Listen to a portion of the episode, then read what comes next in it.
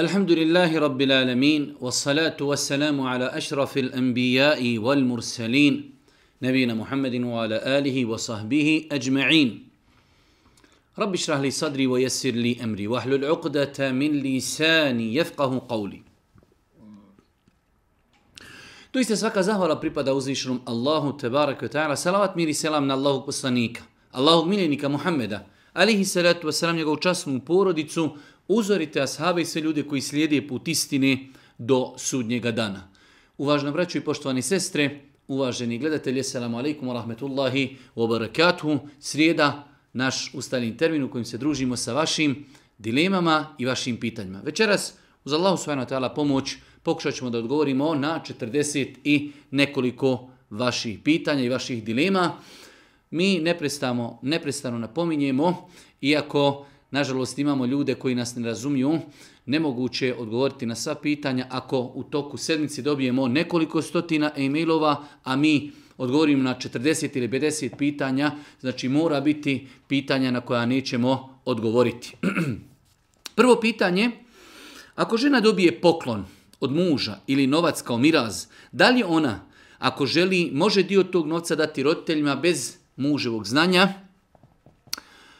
i tako dalje. Znači, pitanje da li supruga može svoj imetak kojeg ima, kojeg je ona zaradila ili dobila od nekog na poklon ili u miraz, može taj dijeliti imetak bez muževe saglasnosti. Definitivno, kada su u pitanju konkretno roditelji, E, ako su roditelji siromašni i potrebni, tada je ženi obaveza, ženi u smislu da je to njova čirka, obaveza da pomogne svoje roditelje. Ako nisu siromašni, onda je pohvalno, ako je ona imućna, da ih pomogni. U svemu tome i prema mišljenju džumhura, većine islamskih učenjaka, žena koja posjeduje svoj imetak, na bilo koji način da ga je dobila, halal način, ona može da udjeli sadaku bez saglasnosti svoga muža. Svakako, ako žena primijeti da njen muž e, voli da zna i da ga pita i da ga konsultuje, svakako da nema ništa loše u tome. Ali da li je obaveza? Nije obaveza. Znači to je njen imetak. Mi smo više puta govorili o tome da je to jedan od pokazatelja savršenstva i ljepote Islama da je dopustio ženi muslimanki da E, posjeduje imetak, svoj imetak i da ga udjeljuje i da radi sa njim ono što želi. Tako da odgovor na pitanje žena koja ima svoj imetak ima potpuno pravo da ga na halal i dopušten način udjeljuje bez saglasnosti svoga muža, a ako u svemu tome ima njegovu saglasnost, konsultuje ga, pita ga, definitivno da je to ljepše i bolje. Kako pronaći osobu koja ispravno tumači snove i da li je islamski sanovnik kod Ibnu Sirina na internetu tačan? Kako pronaći osobu ne znam. Kako pronaći ne znam. Znači rekli smo više puta tumačenje snova je dar od Allaha te barake ta'ala. Možemo pročitati stotine knjiga o tumačenju snova, ali ne mora znači da ćemo znači tumačiti snove. Tumačenje snova prvenstveno je dar od uzvišnjog Allaha subhanahu wa ta'ala određenim osobama, tako da se u narodu pročuje i zna da određena osoba zna na ispravan način tumačiti snove i da mu je uzvišnji Allah subhanahu wa ta'ala podario taj dar i mogućnost da razumije snove i da ih tumači. Da li je e, islamski sanovnik od Ibnu Sirina na internetu tačan, e, ta knjiga nije tačno je pripisivati Ibnu Sirinu. Prva stvar, znači Ibnu Sirinov sanovnik nije ispravno pripisivati Ibnu Sirinu. Pod jedan.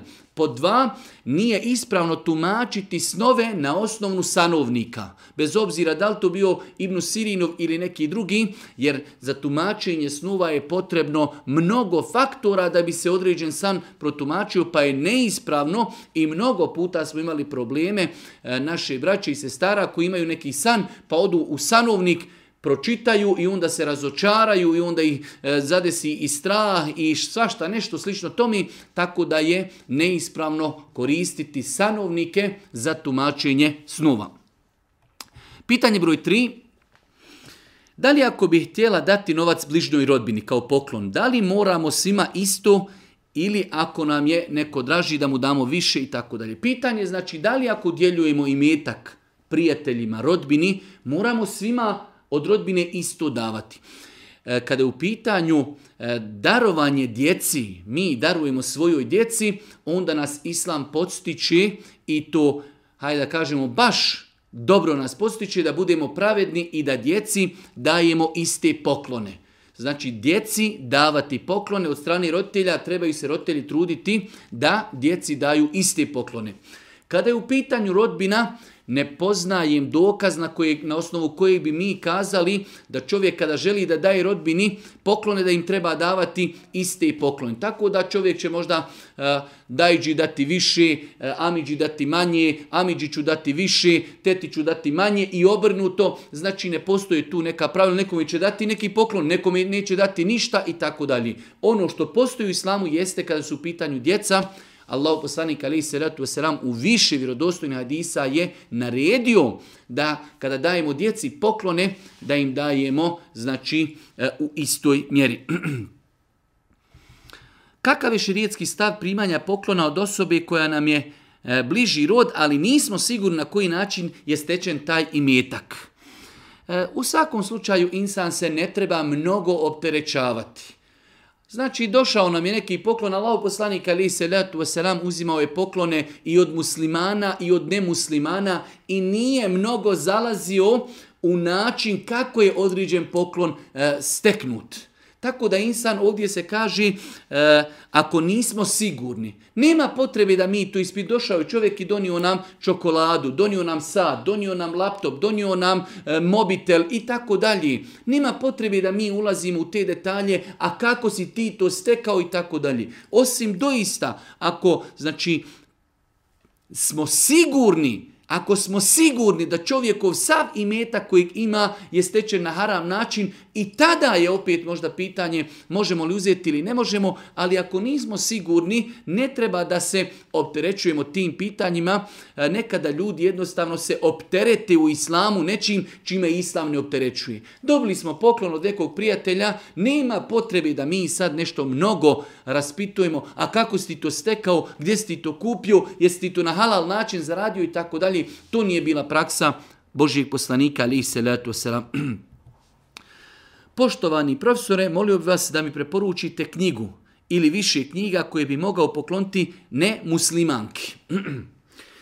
E, pazite, dosta je knjiga koje bi čovjek mogao da pokloni nemuslimanu ili pogotovo prvenstveno ženi nemuslimanki. E, definitivno knjige od e, Ahmeta Didata su interesantne i kvalitetne, dobre. Knjige od Zakir Najka su izuzetno kvalitetne, dobre. Imamo knjigu na bosanskom jeziku od grupe autora Ljepote Islama. Mnogo lijepa, interesantna knjiga. Imamo e, knjigu Žena između širijetskog i svjetovnog prava od Mustafe Esibaija. Žena između šerijetskog i svjetovnog prava. Mnogo interesantna i lijepa knjiga. Imamo knjigu Neporecivi argumenti Muhammedovog alihi salatu wasalam poslanstva. Ovo su neke knjige koje bi čovjek mogao da e, da pokloni nekom od nemuslimana, pogotovo kada su u pitanju žene. Znači, neporecivi argumenti Muhammedovog poslanstva, ljepote Islama, knjige Ahmed Didata, e, knjige Zakir Naika, žena između širijskog i svjetovnog prava od Mustafa Sibaija. Znači to su neke knjige, definitivno postoji mnoge druge knjige koje bi čovjek mogao da e, nekome pokloni. Znači u nadi da će to biti razlogom da on svati i prihvati ako Bog da islam. Da li je muslimanu, mladoj osobi, dozvoljeno da nazove sela muslimanki koja mu je strankinja, znači on joj nije mahrem, a ona je mlada osoba? Kazali su islamski učenjaci kada je u pitanju e, ta konverzacija da mlad insan, muškarac nazove sela mladoj ženi, znači da je prioritetnije da to ne radi. Znači kazali su čak pokuđeno. Pokuđeno je da je mlada osoba, muškarac nazove selam ženi. Ovo u slučaju da čovjek prolazi samo pored jedne ženi, da je ona sama. Ako bi prolazilo više žena pa ih čovjek mi, to nije problem. Da prolazi pored njega žena koja je već u nekim godinama i to nije problem. Ovdje govorimo o mladoj muškoj osobi koja prolazi pored jedne mlade ženske osobi, da li joj treba nazvati selam prioritetnije i bolje da ne nazove prioritetnije i bolje. Pokuđeno je, znači po mišljenju velikog broja učenjaka, da se mladoj osobi naziva selam. Nazvati grupi žena selam nije sporno i nazvati ženi koja je već u nekim e, podmaklim godinama, ako Bog da, isto nije sporno. Sedmo pitanje, je li se smije farbati brada? Znači imamo ljude e, koji, evo, slično nešto poput mene, počne im lagano sjediti brada, a oni žele da se to ne vidi, da li imaju pravo i da li je dozvoljeno da se farba brada, dozvoljeno je. Znači, islamski učinjaci čak su smatrali i pohvalnim i lijepim u datom momentu da čovjek, znači kada njegova, e, kada njegova brada e, osjedi i pobijeli da znači ofarba svoju bradu. Ono što je zabranjeno, što je došlo u vjerodostojnim Mladisme jeste da se izbjegava crna boja. Znači dozvoljeno je farbati muškarcima i kosu i bradu, ali znači samo da se izbjegava, samo da se izbjegava crna boja, kao što je došlo u rodostima hadisma, kada su Božim poslaniku doveli Ebu Bekrovog radijallahu ta'alanhu oca, a bio je znači ostario, znači njegova kosa i brada su bile sjede, pa je Allah poslanik ali se ratu sam kazao promijenite to u neku boju, ofarbajte, ali kaže nemojte, samo izbjegavajte crnu boju. Tako da muškarci mogu znači da farbaju bradu. Svakako i to farbanje bradi e, treba da bude u datom momentu umjereno, da to ne bude, ne daj Bože, oponašanje nemoralnih osoba, oponašanje nemuslimana, ali znači da to čovjek uradi e, u nekom skladu, onako kako to doliči vjerniku, ako Bog da nije sporno, samo da ne bude crna boja. Osmo pitanje, udaja žene koja je trudna. Žena je bila udata i zatrudna i rastala se. Da li se ta žena može udati? Idet, priček ženi koja je trudna je onaj rađanje djeteta. Žena kada rodi dijete odmah se može udati. Svakako da nakon znači poroda ona će biti u nifasu i e, ne smije ako se uda ne smije imati intimni kontakt sa čovjekom za kojeg je se udala, ali mi govorimo o aspektu da li se žena može udati. Žena koja je razvedena trudna Žena koja je razvedena, trudna, njen priček traje bez obzira. Ako se u, razvela, a tek zatrudila mjesec dana, njen priček će trajati 8 mjeseci. Ako se žena razvela u sedmom mjesecu trudnoći ili u osmom, imat će znači, kraći priček do dana kada se porodi. Kada se porodi, nakon toga se žena može, može udati, svakako u periodu nifasa ne smije imati intimni kontakt. Rezimiram odgovor, žena koja se Eh, razvela u periodu trudnoći, eh, njen priček završava porodom. Nakon toga se smije udati, a svakako rekli smo u periodu nifasa ne smije imati intimni kontakt sa osobom za koju se uda. Da li ima vjersko utemeljenje u islamu da kada se pije alkohol, namaz nije validan 40 dana? Pronalazim svakakve tekstove, ali moje nedoumice se još uvijek nisu eh, iskristalizirali tako dalje. Postoje vjerodostojni, autentični hadisi u kojima Allah poslanik ali se letu kazao da osoba koja konzumira alkohol da mu 40 dana neće biti primljen namaz. Znači po vjerodostojnim hadisima Allah poslanik ali se letu je kazao da osoba koja konzumira alkohol, bilo koju vrstu alkohola, da mu neće biti namaz primljen 40 dana. E sada, ovdje imate e, veoma bitnu napomenu, to je ta osoba mora klanjati. Insan kada u tih 40 dana ne bi klanjao, napravio je ogroman, ogroman grijeh. Po nekoj ulemi samo jedan namaz kad ostaviš više nisi musliman. Kamoli 40 dana. Pa osoba koja je konzumirala alkohol mora klanjati svaki namaz, ali se Allah, kod Allaha namazi ne primaju zbog toga što zbog toga što je konzumirao alkohol. Pa znači moramo shvatiti, osoba koja je konzumirala alkohol mora i dalje klanjati, ali njegovi namazi nisu 40 dana primljeni kod uzvišnog Allaha te ve ta'ala. Kaže se u desetom pitanju pokrivena sam prije dva mjeseca muž se okrenuo vjeri, alhamdulillah. Ali imam problem, muž je iz kraja gdje ljudi kroz priču psuju Boga, subhanallah. I, ostavljaju, i nastavljaju dalje pričati kao da se ništa nije desilo, kako se ponašati, pa čak znači to prisutno i kod djevera i kod sve krve i tako dalje. Nažalost, to je jedan eh, izuzetno loš i ružan običaj našeg naroda da ćemo nerijetko naći ljude koji se pripisuju islamu da psuju Boga psovati Allaha te barake ve ta'ala ili čak šta više kazati vrijeđati Allaha, ne samo psovati, vrijeđati Allaha je kufr, nevjerstvo. Djelo koje prema konsenzusu islamskih učenjaka izvodi čovjeka iz islama. Opsovati i uvrijediti Allaha znači je djelo koje izvodi insana iz vjeri. Pa se insan treba paziti, kontrolisati svoj jezik.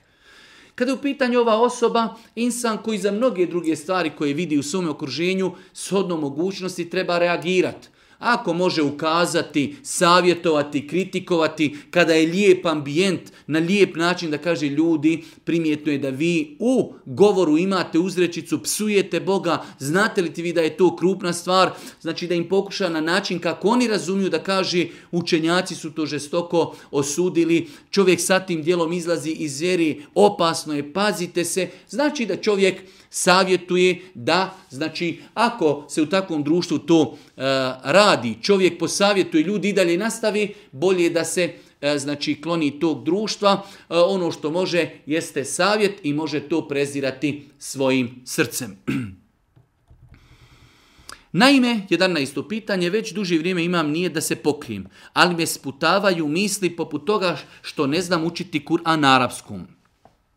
Čitam često prijevod, pitanje da li trebam prvo naučiti arapski jezik sufaru, a nakon toga se pokriti.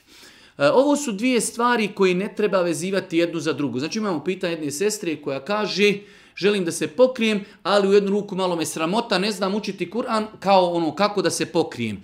E, svakako da je to u jednu ruku lijepo razmišljanje, ali bespotrebno. Pokrivanje ženi je farz. Svaki izlazak žene iz kuće bez hijjaba je novi grijeh i novi haram nevezano za učenje Kur'ana, tako da osoba treba da se pokrije, a to će ako Bog da biti dodatna motivacija, čuj sada ja sam pokrivena, a ne znam još učiti u Kur'anu, pa će to ako Bog da biti dodatna motivacija da žena ako Bog da nađe što prije neku školu Kur'ana ili neku mualimu koja će ako Bog da podučiti sufari, pa da ako Bog da počne učiti Kur'an na arapskom. Tako da su to dvije, hajde da kažem, odvojene stvari, a svakako insan, odnosno ova naša sestra i bilo koje druge sestre, kada se pokriju, to će biti njima ako voda dodatna satisfakcija kako može žena biti pod mahramom, a još ne zna učiti Kur'an, pa će ako Bog da objediniti i da će se pokriti i da će se podučiti učenju Kur'ana, neispravno je odgađati pokrivanje zbog znači nepoznavanja sufari. 12. pitanje, nedavno sam se pokrila, sada imam pitanje u vezi nošenja hijjaba. Čula sam različita mišljenja. Da li je dozvoljeno nositi e, hlače koji su široke, suknja hlače? Koliko se sjećam, smo mi nekoliko puta odgovarali na slična pitanja, kako u ovom serijalu, tako i nekada prije, islamski učenjaci kada govori o uvjetima e, za odjeću, džilbab, koju treba da nosi žena, kažu između ostalog da treba da bude široka i da ne oslikava konture ženinog tijela. Definitivno žena koja nosi suknja hlače da to oslikava i konture njenog tijela, pogotovo kad su pitali noge, tako da islamski učenjaci, e, oni učenjaci od kojih mi prihvatamo znanje i uzimamo njihovo znanje, smatrali su da je ženi zabranjeno prilikom izlaska iz kuće nositi samo supnja hlače. Ako žena obukla supnja hlače, preko toga obukla džilbab ili mantil, to inšala bizla nije sporno, ali e, znači obući neku tuniku i obući hlače, svakako da znači postavu savremenih islamskih učenjaka nije ispravno. Isto je pitanje, vidim isto dosta žena sa nikabom koji nosi različite upadljive boje. Da li je to dozvoljeno? Definitivno jedan od problema savremenog doba jeste i, i izigravanje sa nikabom. Prvo je šetan srušio hijab, tako da ćete danas veoma rijetko vidjeti sestru koja nosi E, mahramu lijepu i širok džilbab. E nakon toga kada je završio džilbab, kada su žene počele nositi turbane, kada su počele nositi jaknice, kada su počele nositi suknja hlače, helanke i mnogo drugih stvari, nakon toga je šetan počeo i da radi na polju nikaba, pa ćemo vidjeti različite modele nikaba i strukirane i uske, i šarene i svakakve nekakve tako da žena treba da zna šta je cilj nikaba. Cilj nikaba je da se žena zaštiti i pokrije. Tako da, e, kad su u pitanju boje, sam to nije precizirao, ali neke boje koje su tamnije, da kažemo, e, hajde da kažemo, eto, znamo svi šta znači neke tamnije boje koje ne privlače pažnju kada žena prolazi ulicom, ali neke žestoke boje, kao što možemo, nažalost, u zadnje vrijeme, u zadnjem periodu, šest mjeseci i godinu dana, doista imamo sestara koji su počele da se poigravaju sa bojama kada je u pitanju e, nikab, trebalo bi to pripaziti, znači žena treba prvenstveno da nosi e, znači neke tamnije boje kada su u pitanju sestre koji nose i džilbab i koji nosi nikab.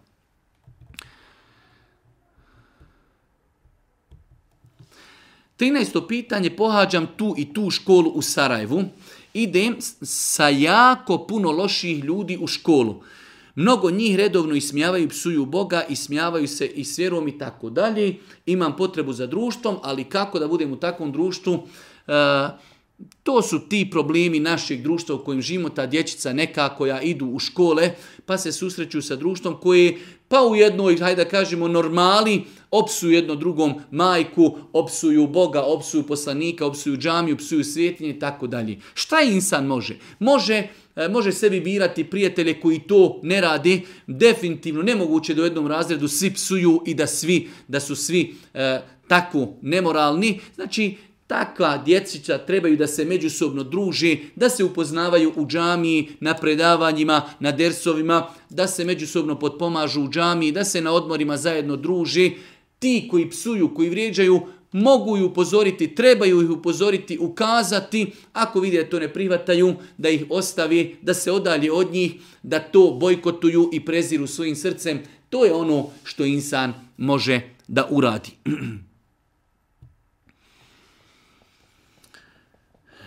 Da li je isto ka, kada sa curom prije braka se vodim za ruku i zagrlim je i kada sa njom imam intimni kontakt prije braka? Definitivno da je neispravno. I jedno i drugo je haram. Znači, zato mi govorimo o mladina koja ima potrebu, nek se ženi. Nema u islamu nikakvog vodanja za ruke, niti grljenja, niti poljubaca, a da ne govorimo kako je strogo zabranjeno imati intimni kontakt prije prije braka svakako nije na istom nivou dodirnuti ženu rukom ili zagrliti pa i poljubiti i imati intimni kontakt, kontakt definitivno intimni kontakt je na jednom većem stepenu harama i zabrani ali je zabranjen bilo koji dodir zagrljaj e, znači pa čak rukovanje e, da ne govorimo o poljubcu, sve je to strogo zabranjeno ali intimni kontakt prije braka je na jednom većem stepenu, pošto i grijesi, kao što i dobra djela nisu sva na istom stepenu, tako i grijesi nisu svi na istom stepenu.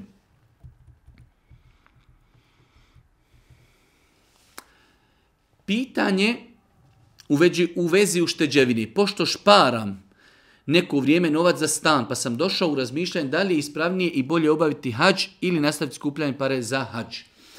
Pitanje, znači imamo jednog brata koji ima određen dio šteđevine, ali se onda jednostavno počeo razmišljati pa da li je meni obaveza da ja obavim hađ jer imam mogućnost. Islamski učenjaci su kazali sljedeće. Imamo dva tu pitanja. Prvo jedno veliko pitanje generalno da li osoba onog momenta kada postane imućna, ispuni uvjete hađa, da li mu je odmah obaveza otići na hađ? Velik dio učenjaka je kazao osoba koja ispuni uvjete i zdrava je, i siguran je put i ima materijalnu mogućnost da ode i ima materijalnu mogućnost da ostavi svojoj porodici dovoljno imetka dok se on vrati s hađa, da li je takvoj osobi odmah obaveza ići na hađ prve godine koji naredni hađ dođe ili može malo odgoditi? Pa je jako mišljenje da insan kada e, stekni uvjete i zdravje, i put je prohodan i ima novca da putuje i ima novca da ostavi svojoj porodici, ne da im kupi kuću, da im ostavi da oni mogu živjeti dok se on vrati, velik dio učenjaka je kazao da je sam tada obaveza.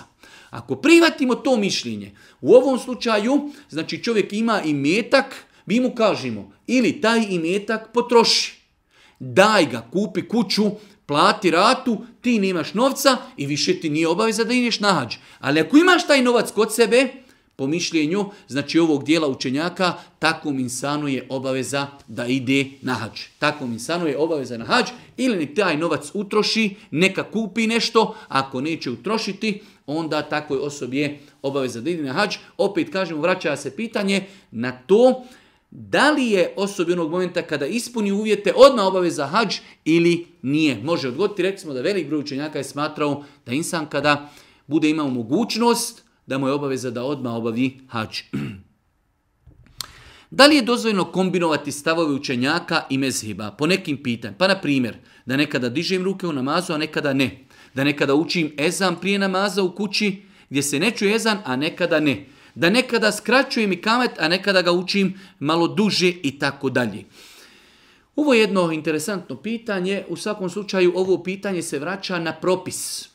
Ako je u pitanju dobrovoljni ibadet, sunnet, nešto što nije na stepenu vađiba, insan to može nekada praktikovati, nekada ne praktikovati. Kao što je u pitanju dizanje ruku, kao što je u pitanju izgovaranje amin, kao što je u pitanju različit način učenja i kameta. Čovjek može nekada učiti i kamet ovako, nekada onako. Znači prva stvar, ako se radi o dobrovoljnim ibadetima, sunnetima, može čovjek uzimati različita mišljenja. Isto tako ako su određeni mezhebi odaprali jedan ibadet, a taj ibadet je došao od poslanika na različite načine, kao što je i kamet. Imamo vjerodostojne argumente koji ukazuju da se i kamet može učiti skraćeno, a i može se učiti i kao ezan. Pa i tu, ako je preneseno od Božih poslanika da su određeni ibadeti e, rađeni na više načina, može im se prakticirati sve to. E, ako dođemo do nečega što je vađib, obaveza, tada moramo, znači ako se ulema razišla, tada moramo odabrati jedno mišljenje i držati se tog mišljenja svakako, opet se pitanje vraća, ko je insan, ako insan nema kompetenciju da vaga mišljenja, on će odabrati mišljenje one osobe koja je za njega najkompetentnija i najučenija. Ako ima mogućnost da vaga, da analizira dokaze, onda će odabrati najjači mišljenje sa aspekta dokaza. 17. pitanje, da li se sehvi sežda treba činiti i za sunnete? Ispravno i tačno je Ako se ovdje misli da li se sehvi i sežda čini u sunnet namazima, u dobrovoljnoj fili, znači ako smo nešto preskočili, da li trebamo činiti sehvi i seždu? Da.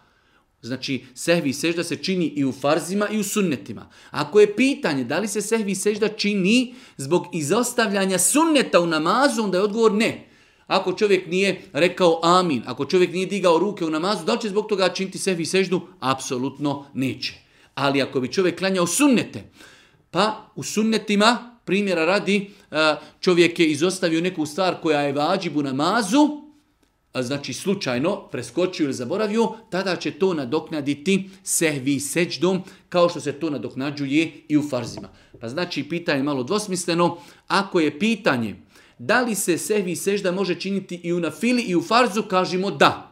shodno uvjetima kada i zbog čega se čini. Ako je pitanje da li se sehvi i sežda čini zbog izostavljanja sunnjeta u namazu, odgovor je ne. Nema potrebe činiti sehvi i seždu zbog izostavljanja određeni sunnet ili znači dobrovoljni radnje u namazu.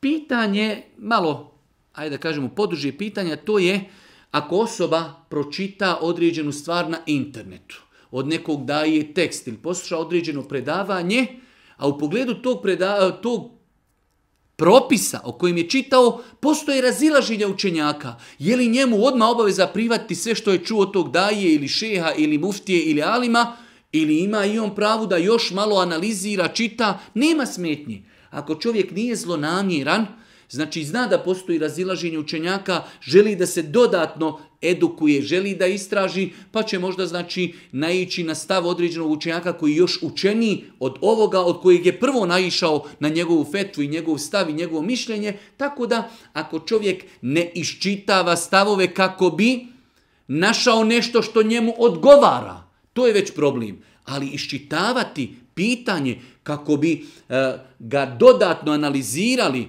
jer nekada neko da odgovor kratko, bez analize, bez mezheba, bez dokaza, dok nekada neko to analizira dublji, neko pristupa dokazima, znači s jedne i druge strane, tako da nema smetnji, samo je bitno da čovjek ne iščitava i ne traži kako bi tragao za određenim lakšim mišljenjima i kako bi izbjegavao u datom momentu e, nešto što mu je obaveza. To može biti sporno. Moje pitanje je vezano za jaciju namaz, naime živim u Skandinaviji, gdje zalazak sunca u ljetnim periodu bude čak i u 23.30. I sad, kako se bliži zima, to se naravno pomjera i sad trenutno, na primjer, akšam je u 8. Jacija u 20 i 20, znači 2 sata i 20 minuta. Mene zanima da li se može klanjati jacija saha i po akšamu. Ili moramo, kaže, čekati nastupanje jacijskog vremena. Pogledajte ovdje. Kaže nam osoba koja postavlja pitanje, možemo li klanjati jaciju saha i nakon akšama ili moramo čekati nastupanje jacijskog vremena? Sam odgovor. Moramo čekati nastupanje jacijskog vremena. Da, znamo mi da je u Skandinaviji takav sistem, ali kazali su islamski učenjaci, oni učenjaci od kojih mi prihvatamo znanje, da sve dok u jednoj državi imamo normalan zalazak i izlazak sunca, što znači normalan, znači imamo e, situacije kada u nekim zemljama 5 dana, 7 dana, 3 e, mjeseca sunce ne zalazi. To je nešto drugo. Ali ako imamo zalazak sunca, izlazak, makar noć trajala 3-4 sata, onda moramo znači u toku dana rasporediti svoje namaze, pa jeste jacija i malo nekada kasnije, ali nekada je to i privilegija. Rekli smo kada se to desi u Ramazanu, Znači, ljudi klanjaju noći nama sahat vremena i potrefili su noć lejletul kader sigurno. Mi da bi potrefili trebamo klanjati i po 4-5 sati, oni mašala klanjaju, znači iftare se, jacija, Sava će biti za sahat tipu, klanjaju sahat vremena, teraviju i lejletul kader su potrefili. Pa, ne možemo i u Skandinaviji imati dobre plate i da su nam fina i namaska vremena i svašta nešto. Tako da mora biti malo sabura, mora biti malo strpljenja.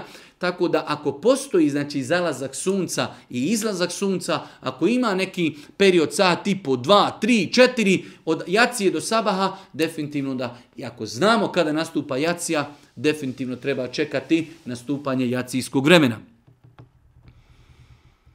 Da li je grije što ne mogu da savijem desno stopalo tokom sjedenja u namazu? Zapamte jedno veliko pravilo, način sjedenja u namazu je sunnet. Šta znači to? Na bilo koji način mi kada bi sjedili u namazu, znači kada sjedimo, ako bi sjeli i pružili ispred sebe noge, ako bi sjeli ono što naš narod kaže turski, ala turk, ili ako bi sjeli na bilo neki drugi način, ako Bog da naš namaz je validan ali od sunneta da čovjek sjedni onako kako se sjedi i kako je zabilježen od Božih poslanika. Tako da način sjedinja u namazu u osnovi, ako Bog da ne utječi na validnost namaza. Pogotovo osobe koje imaju razlog. Čovjek kaže ne mogu, boli me stopalo. Sjedi onako kako možeš. A da je najbliži sunnetu Božih poslanika, ali i selatu sram i namaz će biti, ako Bog da, svakako ispravan. Malo sam prehlađen i samim tim imam problem pri uzimanju abdesta pri ispiranju nosa kada nos isperem, curenje istog se poveća. Pa se pitam ili ispravno opet uzeti abdest iz početka sve dok curenje ne prestani. Ne znam zašto. Znači imamo brata koji kaže e, kada abdesti, kada ispere nos, kao e, jednostavno curenje iz noca se poveća. Ali to nema nikakve veze sa abdestom. Zašto bi obnavljali abdest? Zato što nam curi nos. Išperimo jednu nos, idemo dalje, abdestimo, uzmemo maramicu, iseknemo se, idemo dalje. Čak šta više, kada bi čovjek imao potrebu i da preskoči ispiranje nosa, zato što je bolestan, njegov abdest je validan. Tako da znači osoba ako u ovom slučaju ima problema kada ispiri nos, da mu nos počne više curiti, može i preskočiti ispiranje nosa ili da ne ispire nosa velikim intenzitetom. Malo samo došmrkne vodu, isjekne se i ide dalje. Nema potrebe ponavljati abdest zbog toga. Eselamu alaikum, 22. pitanje, da li su, da li sam ja mahrem ženi od Amidži i ženi od Dajđi i tetki sa babine i mamini strani. Tri osobe. Imamo da li je čovjek mahrem Amidžinoj ženi, Dajđinoj ženi i da li je mahrem tetkama sa mamini i babini strani. Kada je u pitanju Amidžina žena i Dajđina žena, logično je da čovjek tim ženama nije mahrem jer on nema nikakve veze sa njima. To je moj Amidža, ja sam sa njim u krvnoj vezi, a on je mogao ženiti ženu sa znači, drugog kontinenta. Kakve veze imam ja sa tom ženom? Tako da čovjek, znači, e, ženina supruga, takozvana strina, ili dajđina, ili dajđina žena, dajđinica, čovjek takvim ženama nije mahrem, ne smije se sa njima osamljivati i one pred njim trebaju da budu pokrivene, sa njima se ne može rukovati i tako dalje. Kada je u pitanju tetka, s babine i majkine strane, apsolutno je čovjek e, znači svojim tetkama mahrem čovjek je sestri od svoga babi i sestri od svoje majke, mahrem, znači može sa njima putovati, može se sa njima poselamiti, one pred njim mogu sjediti bez mahrami. Imam pitanje da li je obavezno potirati vrat pri uzimanju abdesta jer sam čuo kao da to ne treba raditi.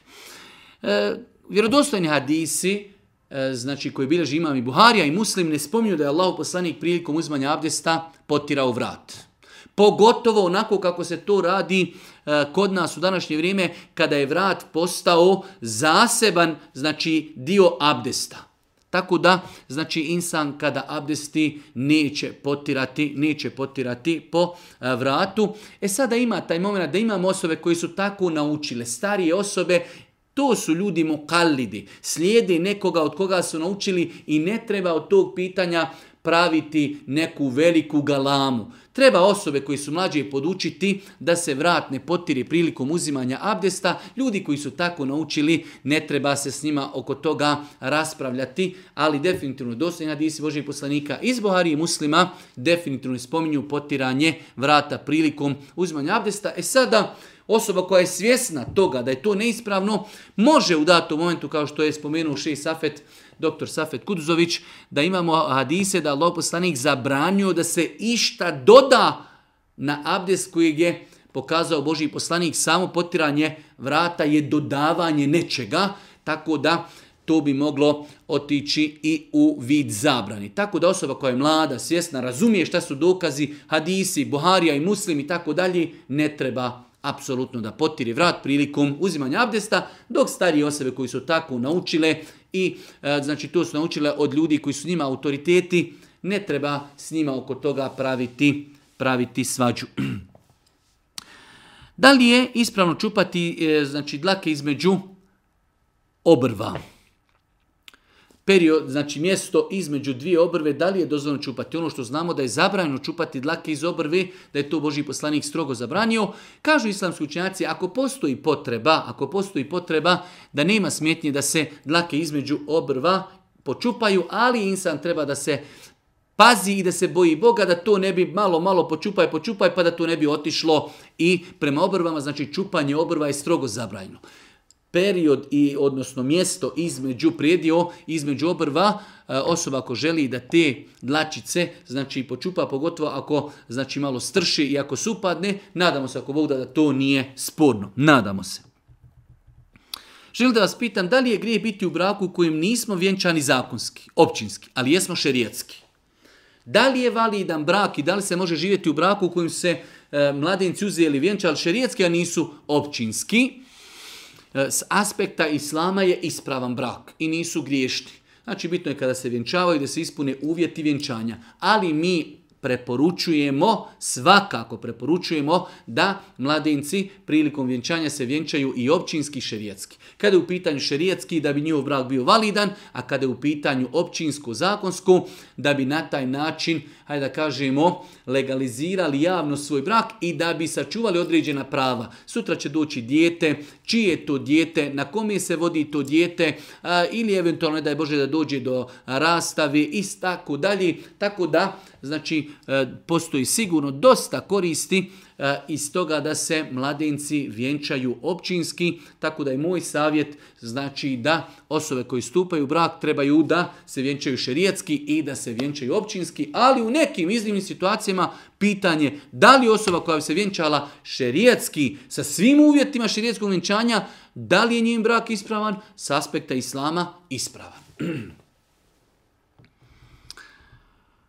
Jedno malo teže pitanje, to je, kaže jedna osoba, moj muž konzumira marihuanu.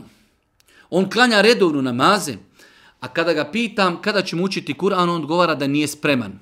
Isto tako ima epilepsiju, ne želi da ide na rukju. I sada, da li je grije da se takva osoba razvede od tog čovjeka koji konzumira trave, e, ne uči Kur'an, ima epilepsiju, ne želi da se liječi i tako dalje.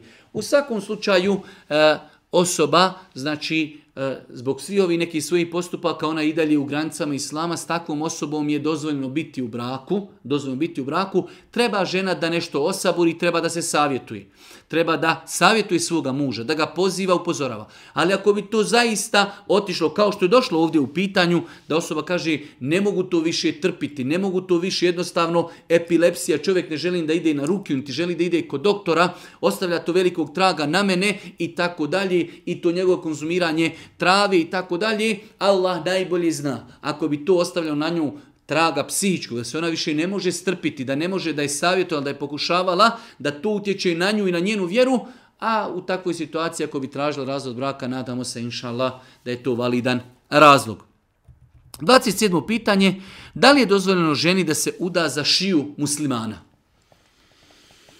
Jedno i specifično i teško pitanje. Šija musliman, da li je dozvoljeno sunetlije onaj ko praktikuje islam po sunnetskom učenju da, da se žena da se uda za takvog čovjeka, ja to nikako ne preporučujem. Neću da budem grublji, ali kažem ne preporučujem. Zamislite ženu koja je sunetlika, udala se u kuću gdje će možda doći neko iz rodbine, pa možda i njen muž sutra odgajati svoju djecu sa svim razlikama koji postoji među šijama, kako E, kako u njihovim sektama, tako i neko je učen, neko je manje učen, neko, neko je e, agresivan, neko je e, ortodoksno se pridržava nekih učenja i tako dalje. Ali definitivno ima velikih, ogromnih devijacija, opasnih. Zamislite da se udate za čovjeka i otkrijete da on psuje, e, da on psuje Bubekra i Omera, proklinje ih. Zamislite udate se za čovjeka koji govori za Išu radijallahu ta'ala da je počinila blud. Zamislite udate se za čovjeka koji kaže da tamo postoji negdje pod zemljom e, zakopana još trećina Kur'ana koju mi sunetlije nemamo. Zamislite se udate za čovjeka koji kaže da je Alija radijallahu anhu i svi drugi imami da su nepogrešivi. Zamislite da se udate za čovjeka e, e, koji e, koji tvrdi da je Džibril Ali Selam pogriješio kada je donio objavu, pa je nije dao Ali, već je dao Muhammedu Ali Selatu Selam. Zamislite da se udate za čovjeka koji kaže da su Ebu Bekri i Omer najveći zalimi, taguti, koji su uzurpirali hilafet od Alije i mnogo, mnogo drugih stvari. Kako živjeti s takvom osobom?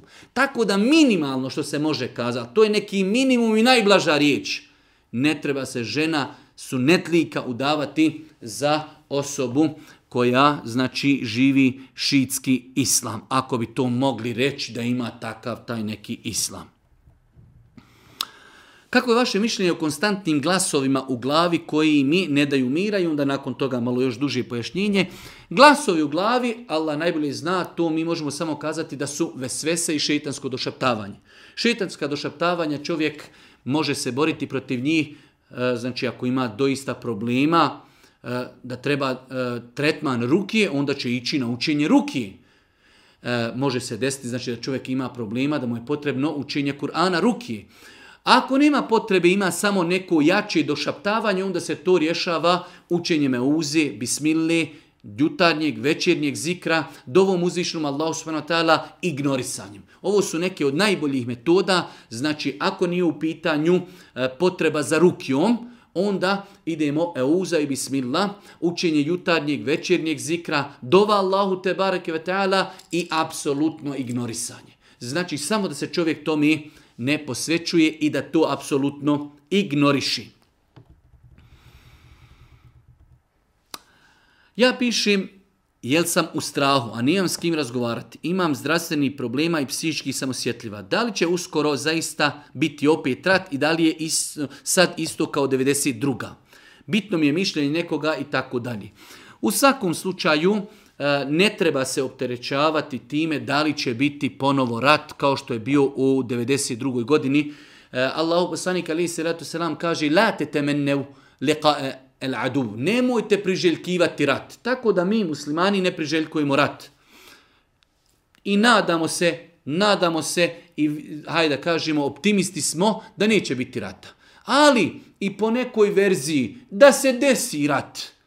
I rat je sastavni dio nečijeg života neko će u ratu e, naučiti i dobiti uputu koju možda ne bi dobio u miru, neko će zaraditi šehadet na Allahom putu u ratu kojeg ne bi mogao postići u miru. Čovjek treba da se osloni na uzvišnog Allah s.w.t. da dovi i traži da mu Allah Đeršanu podari dobro za njega i da, na, na i na Hiretu. Da ga sačuva na Dunjaluku dok je ostanak na dunjalku, za njega bolji i učinkoviti za Dunjalk njegov i Ahiret. Da li će to biti mir, da li će to biti rat, mi ne znamo ne treba se time mnogo opterećavati. Moj savjet najbolje ignorisati medije, ne pratiti ono što se dešava na medijima, jer mnogi naši političari e, koriste različitu retoriku samo da bi odvukli pažnju od velikih afera u kojima su oni učestvovali, gdje su pokrali, gdje su prevarili, pa sada kada su osjetili da bi to neko mogao raskrinkati, daj malo počni zveskat nekim oružjem i nekim provokacijama,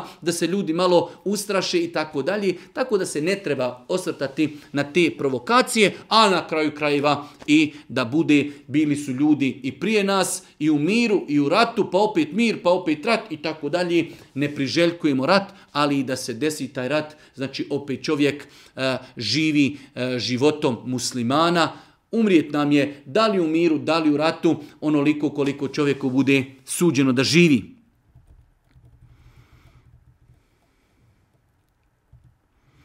Imamo dva pitanja. Jedno je pitanje gdje žena kaže živi deset godina u braku, dobila je ako ne i dvoje djece, ali kaže nakon što je dobila drugo dijete, apsolutno muž ne želi da joj prilazi intimno, već jedan druži period. E, drugo slično pitanje žena kaže isto tako je li griješna ako ona vrši pritisak na muža, tražeći od tog muža da ispuni njene intimne potrebe, čak ona kaže time, on to ne želi. Znači, možda je to nekome i teško shvatiti, ali vjerujte da je svakim danom sve više pitanja u kojima se jedan od dva supružnika žali na drugog supružnika da ne ispunjava njegove intimne potrebe. E, svakako, intima ima velikog traga na harmoniju i ambijent u braku. Ako supružnici nisu zadovoljni, ako njihove intimne potrebe, moramo kazati tu riječ seksualne potrebe, potrebe intime, ako nisu ispunjene, možda će ljudi saburati dan, dva, mjesec, dva, tri, pola godine ili godinu, ali to je priroda, tako je Allah stvorio i čovjeka i ženu. Žena ima potrebu za muškarcom, muškarac ima potrebu za ženom. I ako te potrebe ne budu upotpunjene, sigurno će na duže staze doći do problema.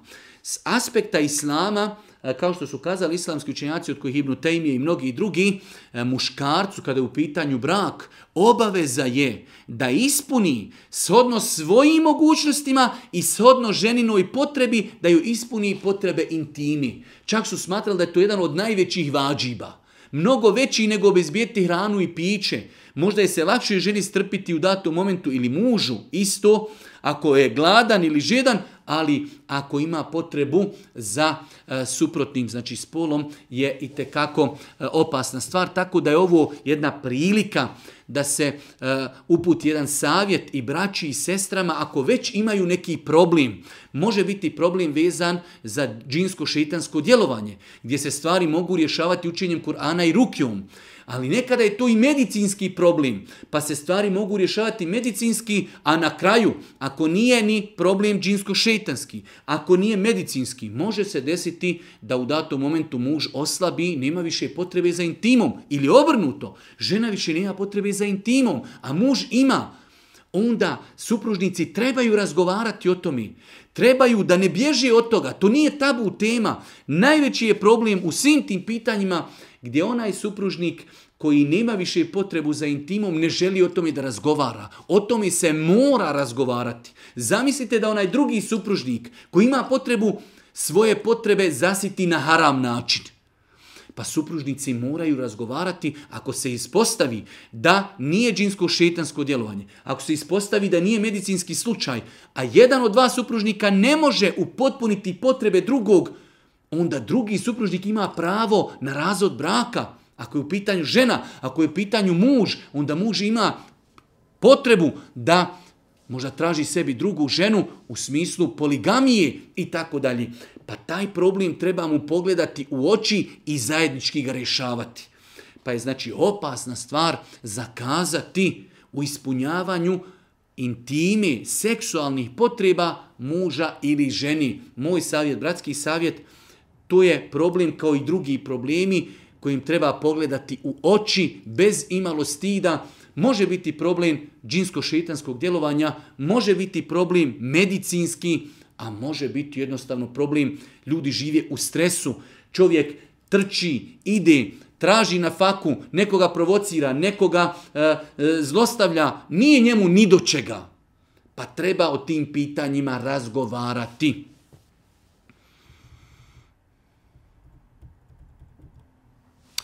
Čisto znam klanjati na filu namaz i kada spustim čelo na sežu, zadržim se duži vremena i dojim na bosanskom jeziku, da li je to u redu? Apsolutno u redu, pohvalno i lijepo i za svake pohvale. Osoba kaže klanjam na filu, kada odem na seždu, ostanem dugo na seždi i dovim na bosanskom jeziku, je to u redu? Apsolutno u redu, rekli smo da nema nikakve smetnje da se dovi na bosanskom jeziku, ili drugom nekom maternim jeziku kada je čovjek na seždi ako je u pitanju na fila namaz. Rekli smo da bi to trebalo ako Bog da izbjegavati u farzima.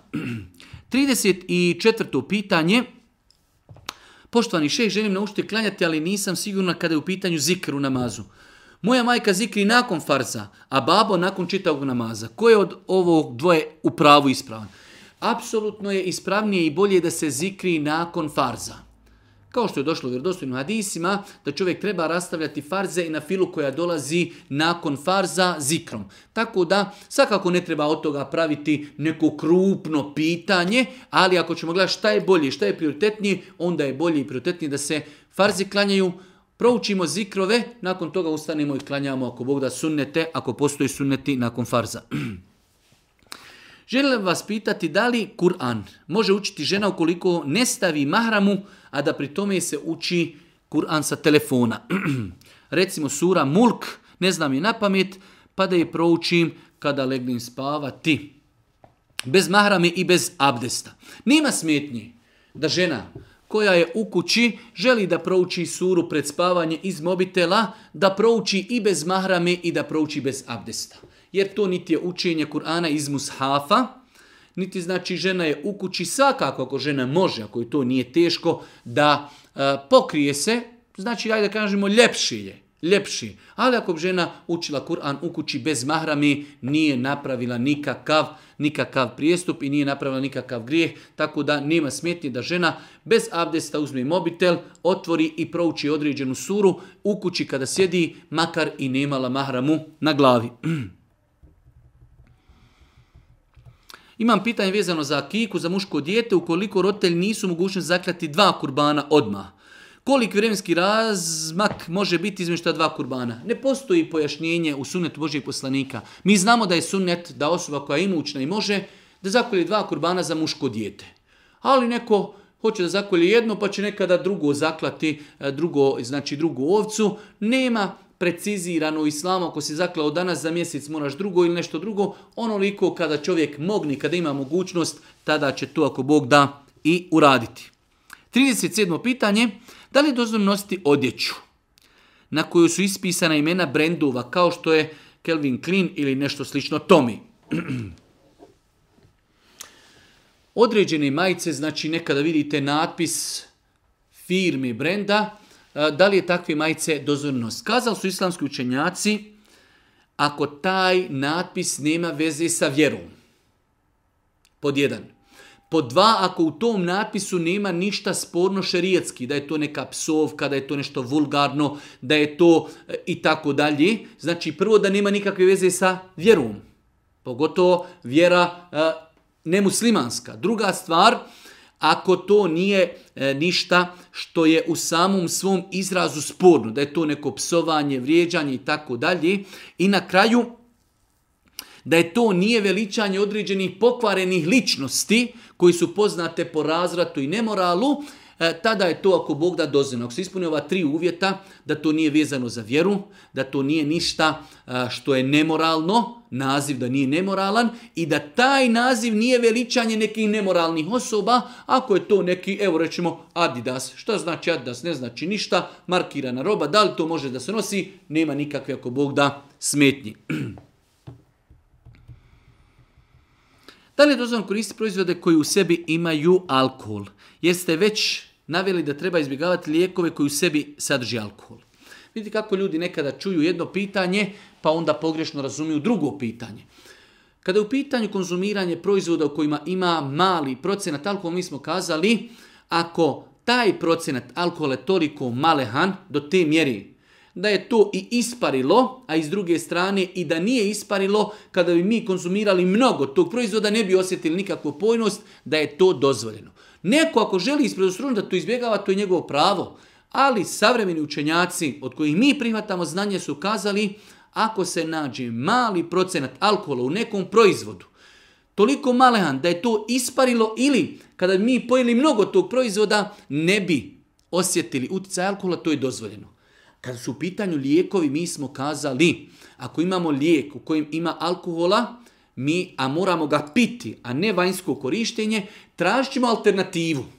Ima li neki alternativan lijek?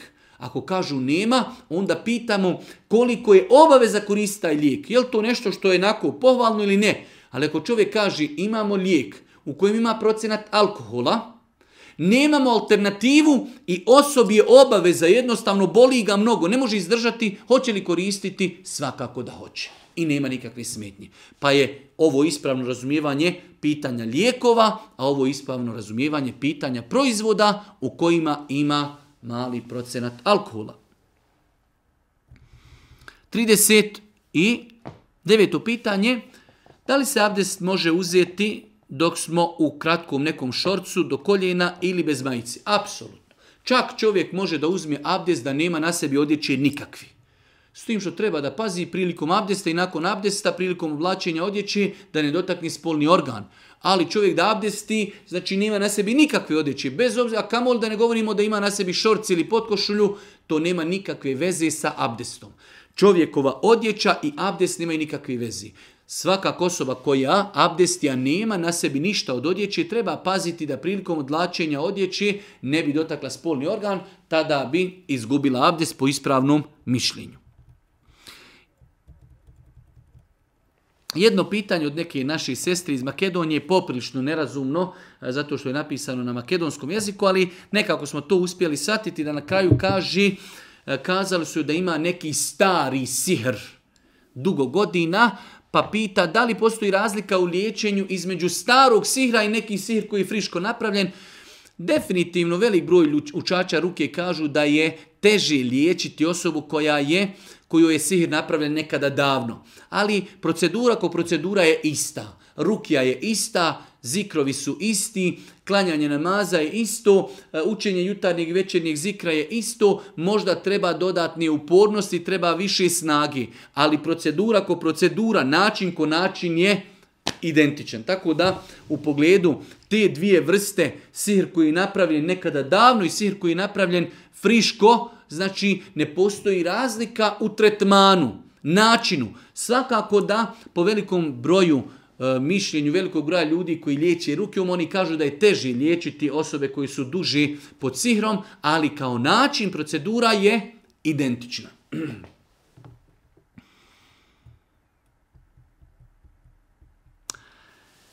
Poštovanje Fendija imao bi pitanje vezano za rad u trgovačkim centrima kao što je Lidl, Bingo i tako dalje na kasi. Da li je dozvoljeno raditi u tim prodavnicama jer se prodaje alkohol i tako dalje? Jedno teško pitanje na koje mi ne možemo dati odgovor.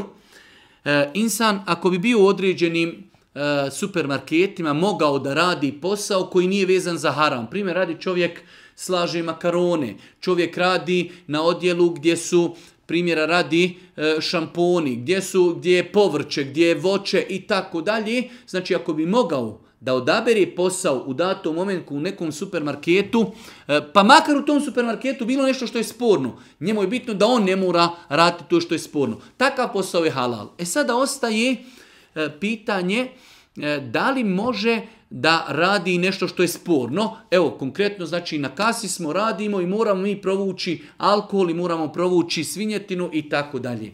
U svakom slučaju teško pitanje, ja ne mogu reći da je dozvoljeno, ne mogu reći da je dozvoljeno, želim da nosim tu odgovornost, ali isto tako vrijeme i prostor u kojem živimo, e, shvatamo da je veoma teško naći posao koji je apsolutno e, potpuno čist da nema u njemu ništa skoro pa sporno. Ne želim da kažem da je dozvoljeno raditi taj posao, ali isto tako ne želim e, da kategorički imamo mi fete e, velikih institucija koji kažu da takav posao nije dozvoljen, ali želim samo da kažem teško je današnje vrijeme naći posao, živimo u podneblju, znači gdje e, skoro pa teško je naći posao koji 100% čist, bez ikakvi neki šubi i bez ikakvih neki sporedni zabrajni stvari, tako da nisam dao odgovor.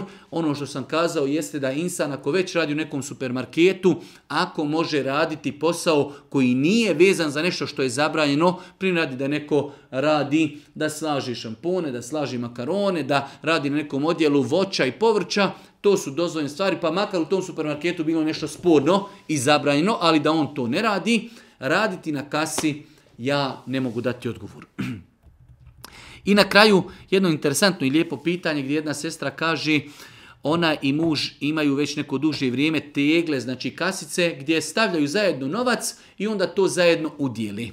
Ali subhanallah koliko mi se svidilo ovo pitanje gdje ova sestra kaže e, muž je zauzet, nema vremena, pa ja mnogo puta više i stavim novca, ja njega i nekad napomenem i ubacim malo i ti, ali kaže interesuje me da li ćemo mi imati istu nagradu, želim da i on ima nagradu zato što zajedno to radimo. Nadam se ako Bog da bez obzira koliko je ko ubacivao novca, ako to oni zajedno uzmu na kraju i odnesu, nekada će to odnijeti muž, nekada žena, nekome koji je potreban, ako Bog da ako su to oni nijetili da to bude njihova zajednička sadaka, porodična sadaka, da će ih Allah Đelšanu shodno tome i nagraditi, ali eto jedna zaista lijepa inicijativa i jedna lijepa, jedan lijep respekt jedne supruge koja respektuje i uvažava svog muža koji nema možda vremena kako i stoji da nekada i traži tu bijedu kome će dati, nekada i zaboravi da ubaci taj neki novčić, ali eto ona bi željela da imaju istu nagradu, pa jedna lijepa inicijativa, lijep odnos e, među supružnicima.